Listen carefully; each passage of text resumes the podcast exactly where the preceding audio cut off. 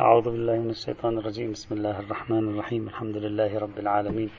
وصلى الله على سيد خلقه محمد وعلى آله الطيبين الطاهرين. المرحلة الأولى من مراحل البحث في نظرية تنقيح المناط والتي تستوعب مجموعة من القواعد التي ترجع إلى قاعدة واحدة كما قلنا هي البحث في حجية تنقيح المناط. ما هي الأصول ما هي المبررات التي تعطي آه، قاعدة تنقيح المناط حجيتها واعتبارها. واضح أن تنقيح المناط نظريا عبارة عن عملية مطلوبة يعني يشعر الفقيه بضرورة تنقيح المناط حتى يخلص المناط الحقيقي من المناطات الوهمية لأنه إذا دخلت المناطات الوهمية بالمناطات الحقيقية سوف تسبب إرباكا كبيرا وربما تسبب تشويشا. وكما قال الوحيد البهبهاني سنجزم بأننا خرجنا عن دائرة الشرع إن لم نجري قواعد من نوع تنقيح المناط وإلغاء الخصوصية. ولذلك يقول ابن الهمام الحنفي في كتابه التحرير في أصول الفقه يقول ولا شك أن معنى تنقيح المناط واجب على كل مجتهد.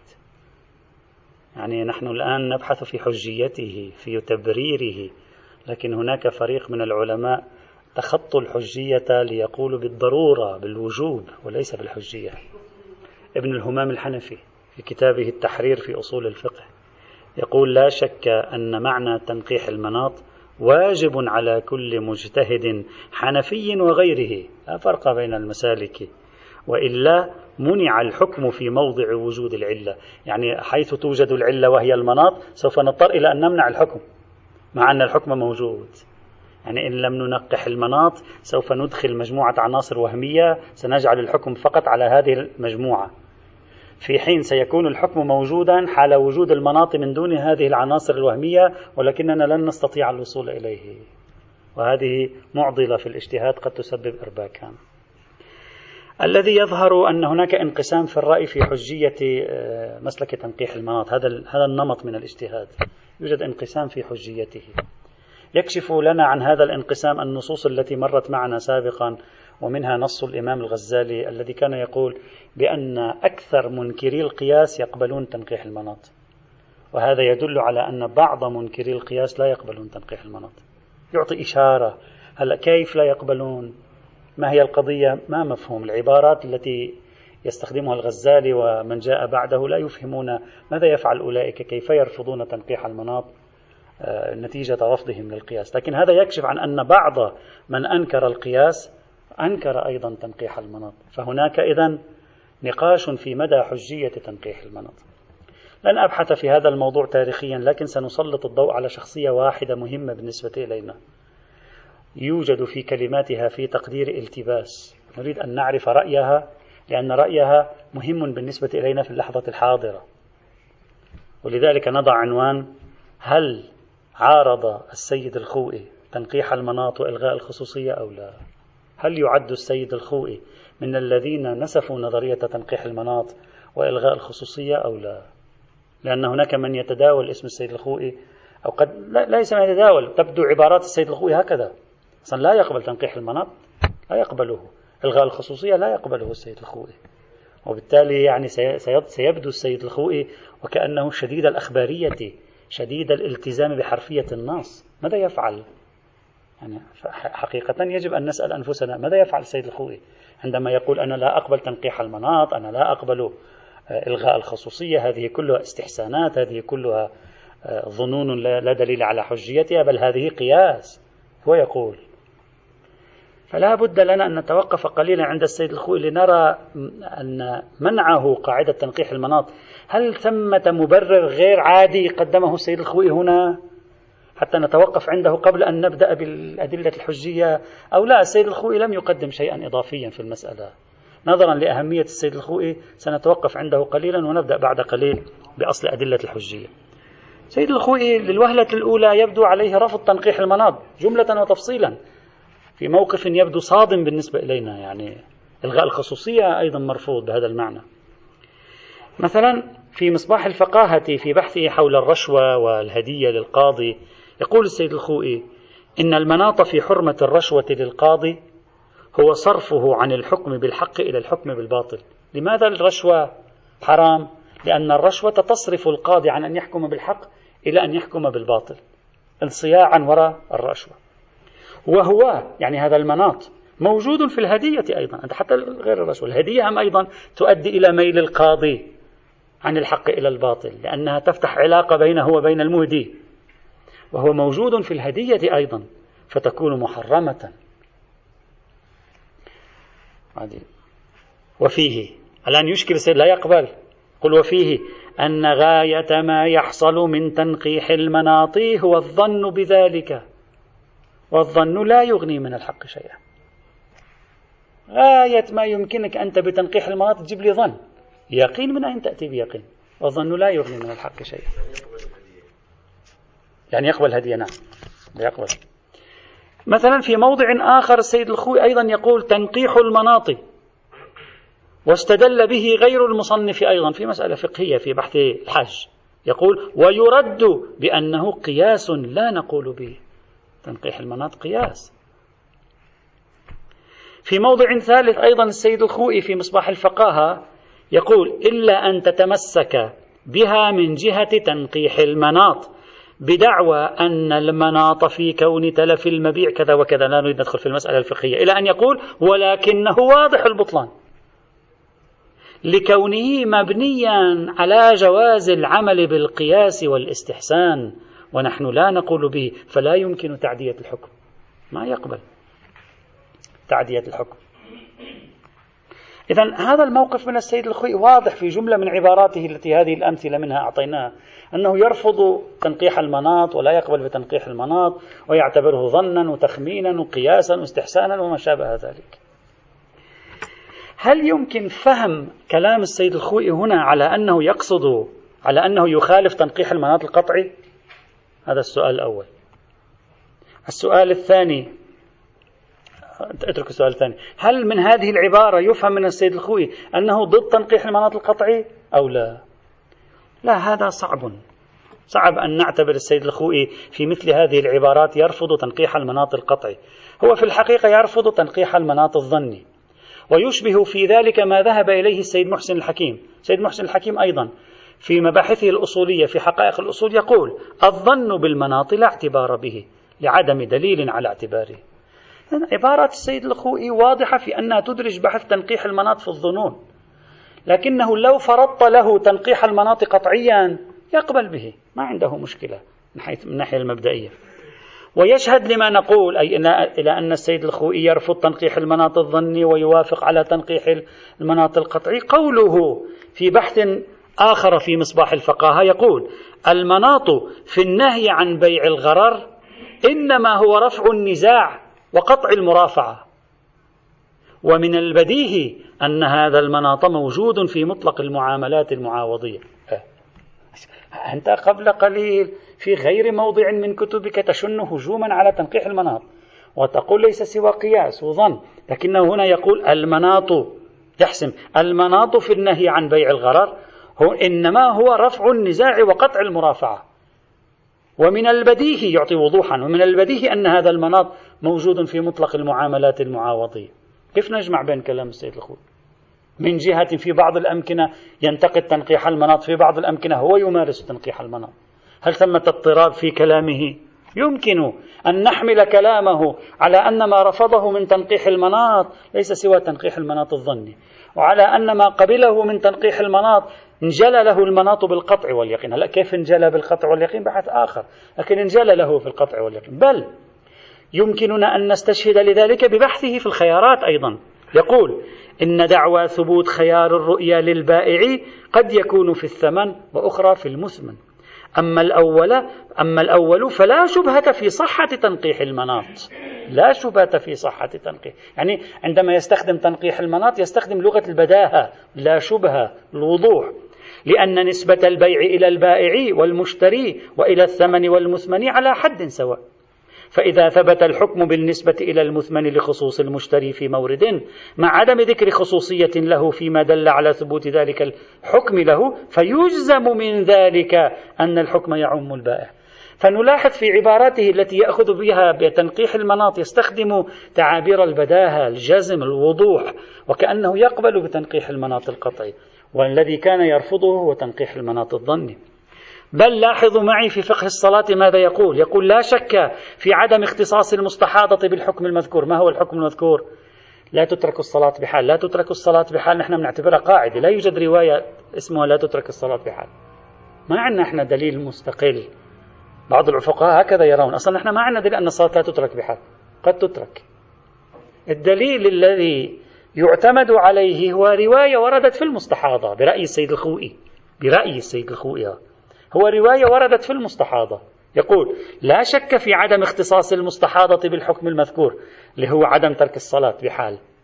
لعدم احتمال الفرق بينها وبين سائر المكلفين من هذه الجهة. يعني لا نحتمل فرقا بين المستحاضة وغيرها. فحيث المستحاضة وردت فيها الرواية في أنها لا تترك صلاتها بحال إذا سائر المكلفين أيضا لا بد أن يرد فيهم نفس الحكم وهو أنه لا يجوز لهم أن يتركوا الصلاة بحال. لا شك يقول لا شك. دائما عباراته لما يأخذ بتنقيح المناط وإلغاء الخصوصيات يعطي الوضوح والقاطعية معناه ممكن يكون يقبل به تنقيح المناط القطعي. الآن من أين أتاه القطع؟ لا بحث آخر سيأتي. سنتكلم عن هذا الموضوع. لكن أتاه القطع على أي حال. فبعد إلغاء الخصوصية عن المورد يكون مفادها عاما يشمل جميع المكلفين. والظاهر كلام للسيد الخوي أن العبارة الدائرة على ألسنة الفقهاء اللي هي لا تترك الصلاة بحال هذه العبارة متصيدة من هذه الصحيحة اللي هي واردة وين؟ في المستحاضة فقط. ما عندنا نحن رواية مستقلة اسمها لا تترك الصلاة بحال حتى أنت تلتزم. قد تترك الصلاة مثل مثل أي واجب آخر. قد يسقط بحال الحرج قد يسقط بحال الضرر. لكن من هذه الرواية انتزعوا الكلية نتيجة عدم الشك في نفي الفارق. فإذا يقبل هو بتنقيح المناط. فمرة السيد الخوي يرفض تنقيح المناط مرة السيد الخوي يقبل تنقيح المناط. عباراته في الرفض فيها إشارات للظن. عباراته في القبول فيها إشارات للجزم ونفي الشبهة ولا شك. فنقول يبدو أن السيد الخوئي يرفض تنقيح المناط الظني يقبل بتنقيح المناط القطعي. الآن الظن والقطع من أين يأتي؟ بحث آخر. قد تقول الآن فلنلاحظ قليلا. قد تقول لي السيد الخوئي يبدو من رفضه لتنقيح المناط أن لديه حساسية في تنقيح المناط بمعنى كشف الملاك. عندما كان يتكلم عن تنقيح المناط ويرفض تنقيح المناط كان يقصد هناك تنقيح المناط يعني كشف الملاك. بغير الدليل الشرعي بواسطة ذهننا وعقولنا. هذا الذي كان يتحسس منه السيد الخوئي لماذا؟ لأنك لاحظ في باب الرشوة. ماذا قال؟ قال قد تقول بأن المناط في الرشوة هو أن لا يصبح الحاكم مائلا عن الحق إلى الباطل. وهذا المناط مناط ملاكي مناط ملاكي لأن المفسدة في ذلك. فقد تقول هذا مناط ملاكي فالسيد الخوئي هناك. إنما رفض تنقيح المناط حيث كان المناط محاولة لاكتشاف الملاك. أما حيث يقبل تنقيح المناط فهو يقبله حيث يكون تنقيح المناط. ليس محاولة لاكتشاف الملاك وإنما هو محاولة لاكتشاف الموضوع لا لاكتشاف الملاك. فقد تقول هذا هو الفرق ما بين الموقفين للسيد الخوئي في المقام. ويشهد لذلك عبارة للسيد الخوئي. على ما جاء في التنقيح في كتاب الطهارة يقول إن تنقيح المناط أشبه أو أشبه شيء بالقياس بل هو هو بعينه وذلك لعدم علمنا بمناطات الأحكام وملاكاتها. فيضم كلمة ملاك مما يشير إلى أن حساسية السيد الخوئي من بحث تنقيح المناط هو عجز الإنسان عن معرفة ملاكات الأحكام. أما تنقيح المناط الذي يدخل في دائرة الموضوعات لا في دائرة الملاكات يبدو ما عنده مشكلة سيد الخوي. قد تقول ذلك ولكن هذا الكلام غير دقيق.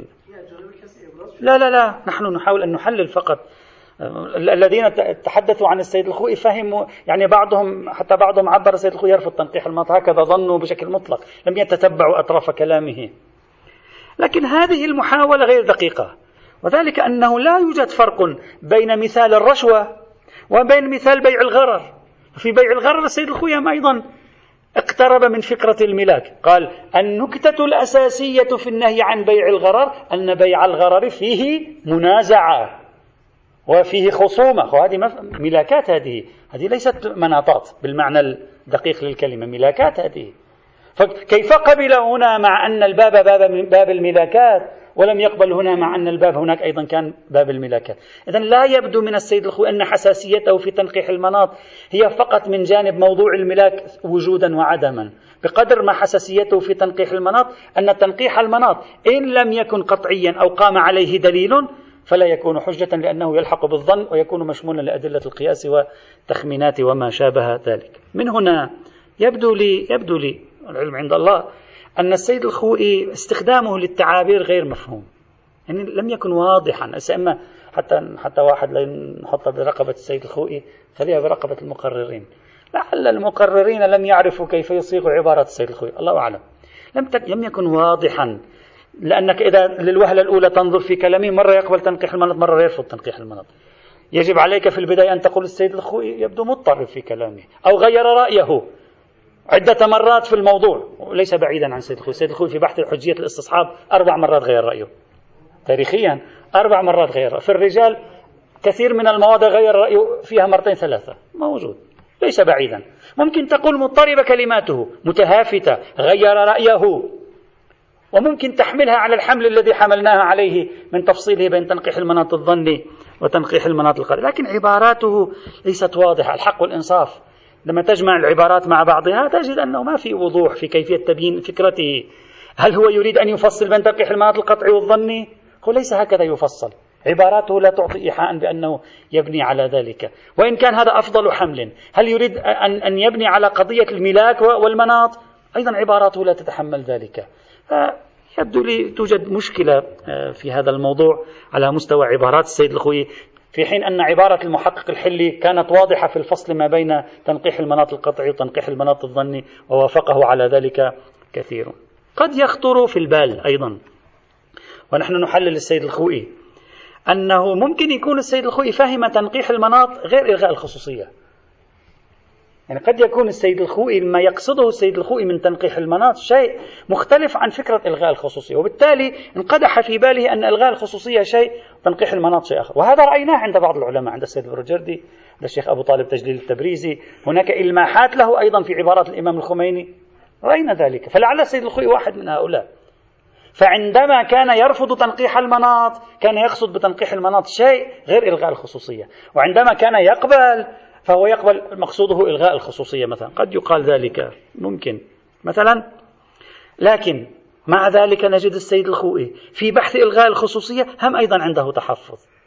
يعني حتى بحث حتى تعبير إلغاء الخصوصية المتداول فيما بيننا هم أيضا كان عنده تحفظ فيه. مثلا يقول إن إلغاء الخصوصية يحتاج إلى قرينة داخلية أو خارجية وهي غير موجودة بل ذلك قياس لا نقول به. حتى إلغاء الخصوصية يعتبر قياس. يعني لا فرق عنده على ما يبدو. نقيح المناط قياس إلغاء الخصوصية ما أيضا قياس. فإذا ما عندك دليل يخرج المورد عن قاعدة منع القياس إلغاء الخصوصية قياس. إذا ما عندك دليل يخرج المورد عن قاعدة تنقيح المناط تنقيح المناط أيضا قياس عند السيد الخوي مع أننا في موارد أخرى نراه يعمل بتنقيح المناط. قبل قليل قرأنا كيف أنه يلغي الخصوصية. لا خصوصية للمستحاضة. هو يقول فلا نعرف. أنت من جهة تقول إلغاء الخصوصية. الآن وين القرينة؟ في باب المستحاضة وين القرينة سيدنا؟ داخلية والخارجية. ما جاب قرينة. فقط قال لا, لا شبهة في أن هذه هي هذه. ربما موجودة ثبوتا عنده القرينة. إثباتا لم يبرزها. هذا أيضا محتمل. ما أريد أن أصل إليه. أن السيد الخوئي طرائق تعابيره في أطراف بحوثه. الأصولية والفقهية ليست واضحة جلية. يحتاج الإنسان هو أن يجمعها. يبرز لها نكتة ترفع عنها التنافي الظاهري. ويزداد الأمر التباسا في استخدامه للمصطلحات. عندما نجد مثلا جملة له في مباحث الخمس ماذا يقول؟ يقول إلا أنه لا بد من إلغاء الخصوصية بحسب الفهم العرفي قبل قليل قبل قليل يقول إن إلغاء الخصوصية يحتاج إلى قرينة داخلية بل هو قياس. أما هون يقول لا بد من إلغاء الخصوصية بحسب الفهم العرفي. إذا هو يقبل إلغاء الخصوصية. غاية الأمر إلغاء الخصوصية تارة يقول حجة معتبرة وأخرى ليست بحجة معتبرة بل على مبانيه ينبغي أن يكون إلغاء الخصوصية بحسب الفهم العرفي ضرب من القياس الجائز لأنه اعتبر إلغاء الخصوصية قياس. إلا إذا كانت كلمة القياس على لسانه إشارة إلى أنه أمر ظني لا دليل عليه.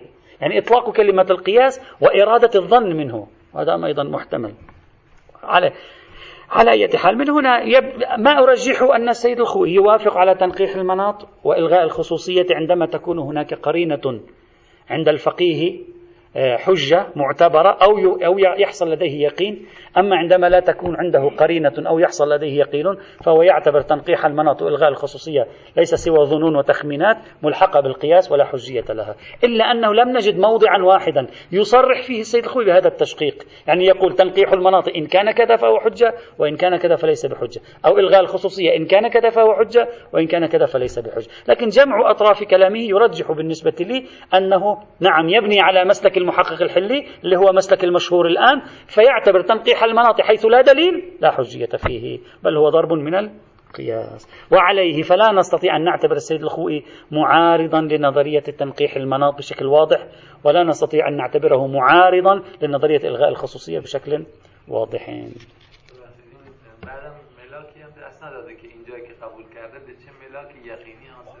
في أغلب أثناء الأمثلة أن تنتبه معي مع الأمثلة التي مرت وستأتي.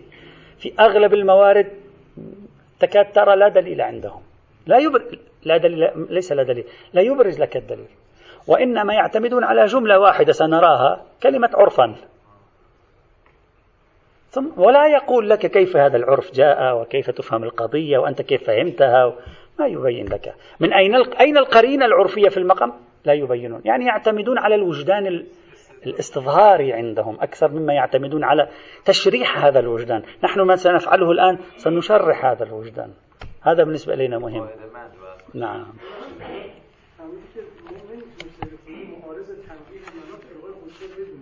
نعم. بعض الموارد ظاهر عبارتها أنه مؤيد أيضا. بله. هو.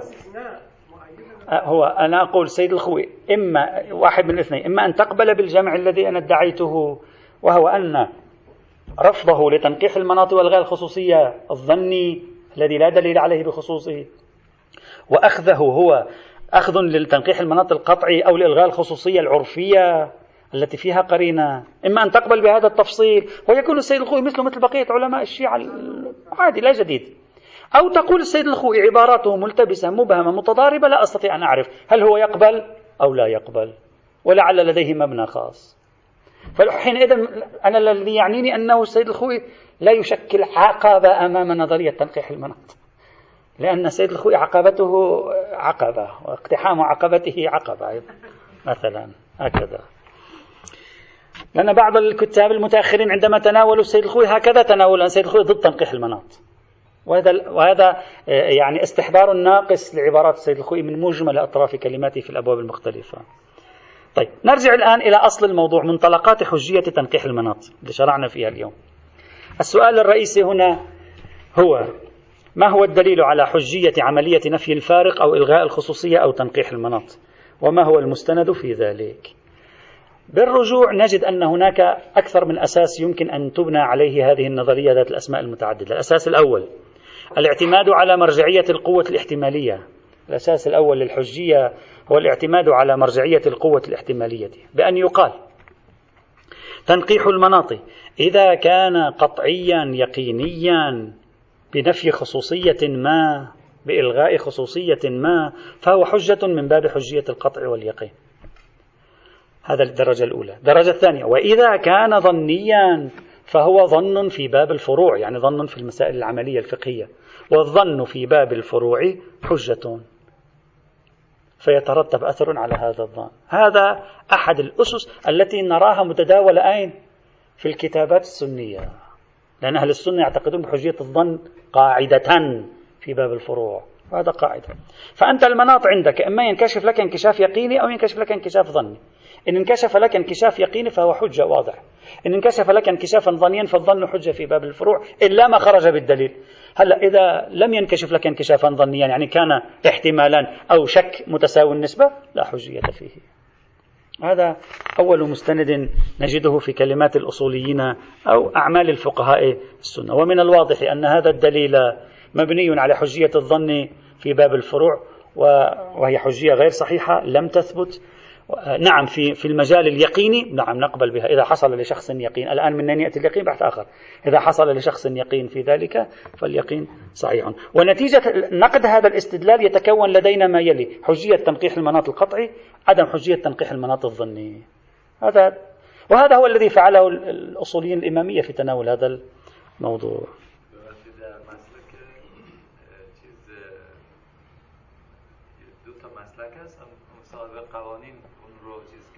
انسداد؟ بله نعم.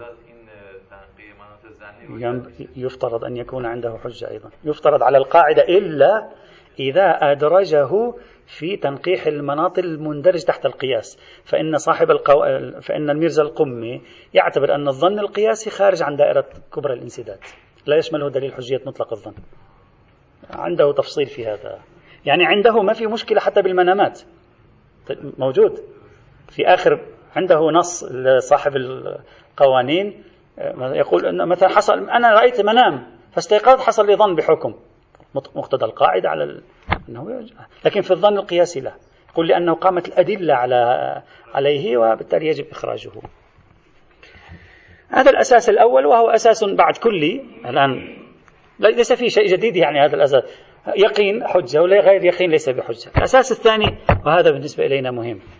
وهو الاعتماد على مرجعية العرف في مجال التفاهم والتفهيم. هذا الأساس هو الذي لاحظنا أن منكري القياس خاصة الإمامية يسعون لتبرير نظرية تنقيح المناط من خلاله. بأن يقولوا نظرية تنقيح المناط حجة وإلغاء الخصوصية حجة من باب أن العرف يفهم إلغاء الخصوصية هنا. عاد هنا لسنا بحاجة إلى ظن يقينا حتى لو ظن ما دام هو فهم عرفي للنص فالظهور الظني حجة. عاد هنا التقسيم على أساس الحجية على أساس معيارية القوة الاحتمالية لا لا حاجة له. أترك الدليل الأول الأساس الأول. الأساس الثاني. وعلى هذا مثلا يطرحون أن بحث تنقيح المناط ينبغي أن يكون في مباحث الألفاظ. يعني بحث تنقيح المناط ينبغي أن ندرسه في مباحث الألفاظ. لماذا؟ لأنه من قواعد الفهم العرفي اللغوي. وبالتالي على الأصوليين أن يدرسوا قاعدة تنقيح المناط أين؟ في مباحث الألفاظ. لأن تنقيح المنص شكل من أشكال فهم الدلالات. مثل أنت صيغة الأمر ومثل صيغة النهي ومثل المفاهيم أنت أيضا تفهم النص بواسطة قاعدة اسمها تنقيح المناط. فإذا اخرج قاعدة تنقيح المناط من دائرة القوة الاحتمالية. لا تجعل معيارها القوة الاحتمالية اجعل معيارها الفهم العرفي للكلام. وبالتالي تندرج ضمن الظهور الدلالي وتنحل المشكلة حينئذ. فكل عمليات تنقيح المناط هي عمليات فهمية تفسيرية لا أكثر ولا أقل. والحجة والعرف حجة فيها. الفارق الأساسي بين هذا الأساس وبين الأساس السابق هو أنه في, في الأساس السابق اليقين فقط حجة في باب تنقيح المناط في هذا الأساس الظن أيضا حجة في باب تنقيح المناط يعني قام دليل على خصوص حتى لو لم يكن انسداديا تنقيح المناط يصبح حينئذ حجة حتى لو كان ظنيا. شرط أن يكون مرجعه العرف في دائرة الفهم يعني تنقيح المناط مقصود إلغاء الخصوصية لا كشف الملاكات المحضة كما هم تصور طيب الآن السؤال اللي هو أهم سؤال. كيف تتكون هذه الدلالة الظهورية؟ يعني ماذا يحدث؟ ما هو المفروض أن اللفظ لا يدل على شيء. اللفظ لا يدل على شيء. هذا العرف من أين يأتي بهذا الاستظهار؟ يعني نحن لو سألنا هذا العرف سؤالا بسيط من أين لك هذا؟ طبعا هذا السؤال هم يوجه للعرف وهم يوجه للسياسيين من أين لهم هذه الأموال. فإذا سألناه من أين لك هذا؟ ماذا يقول العرف؟ يعني ما الميكانيزم؟ ما, ما الذي يحدث يا أخي؟ لماذا هنا يلغي الخصوصية العرف؟ هناك لا يلغي. يعني هذا أبسط سؤال ينبغي أن نسأله.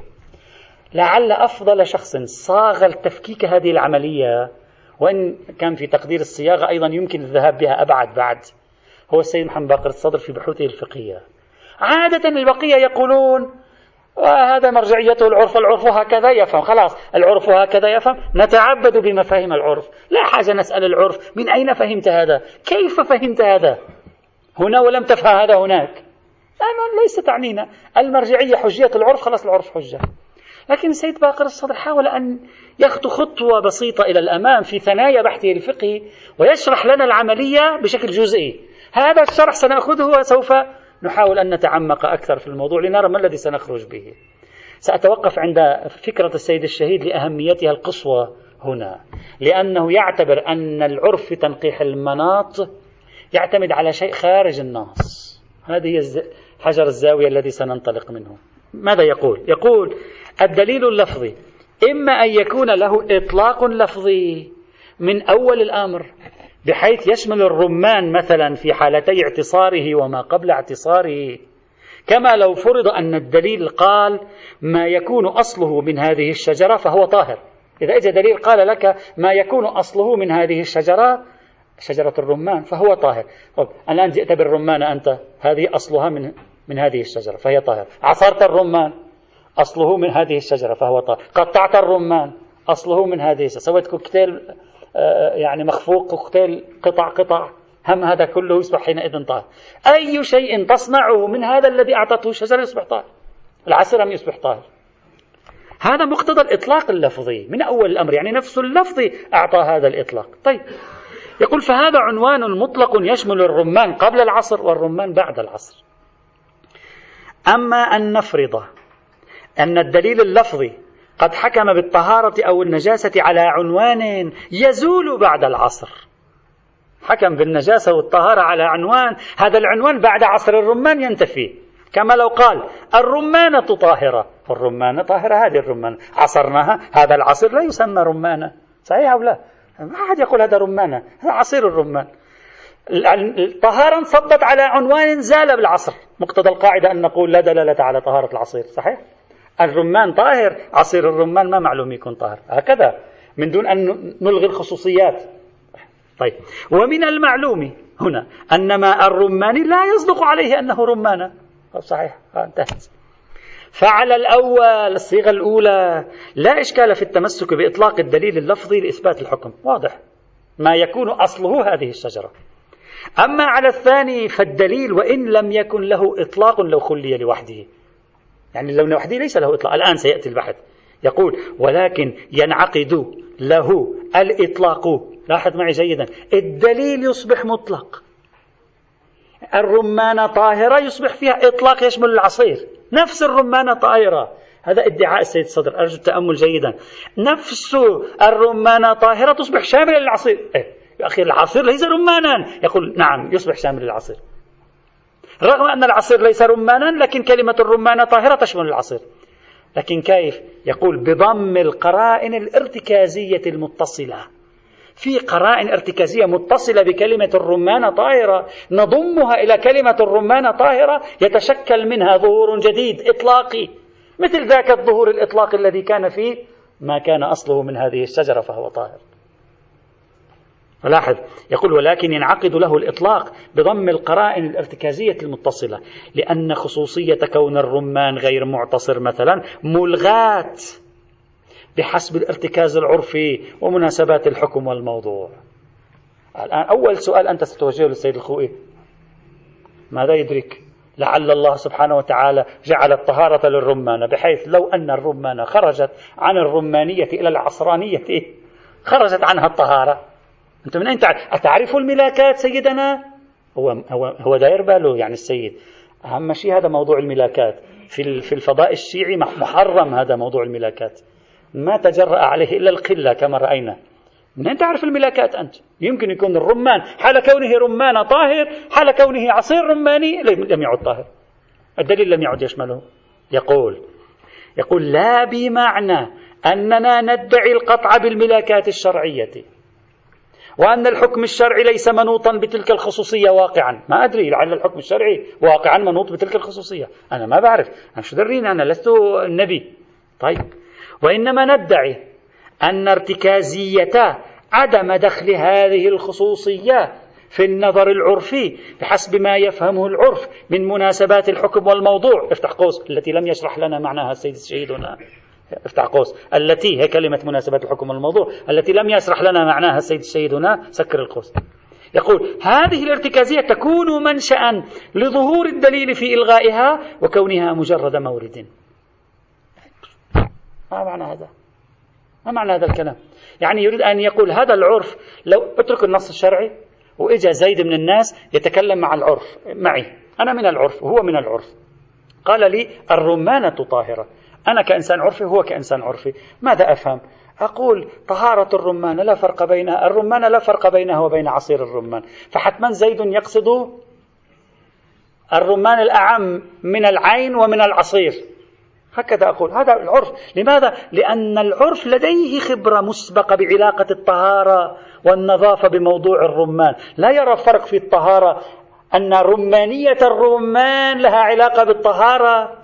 الآن نترك الشرع نتكلم في حياته العقلائية. رمانية الرمان لها علاقة بالنظافة وعصيرية الرمان فقدت هذه العلاقة. العرف لا يرى فرق. في حياته الذاتية بعيدا عن الشارع تبارك وتعالى لا يرى هذا الفرق. فلما يجي المولى يقول الرمانة طاهرة هذا العرف ماذا يفعل؟ هذا الارتكاز اللي يربط بين الطهارة والرمانة. بين الطهارة هذا الارتكاز اللي هو يعرفه مسبقا في حياته العقلائية.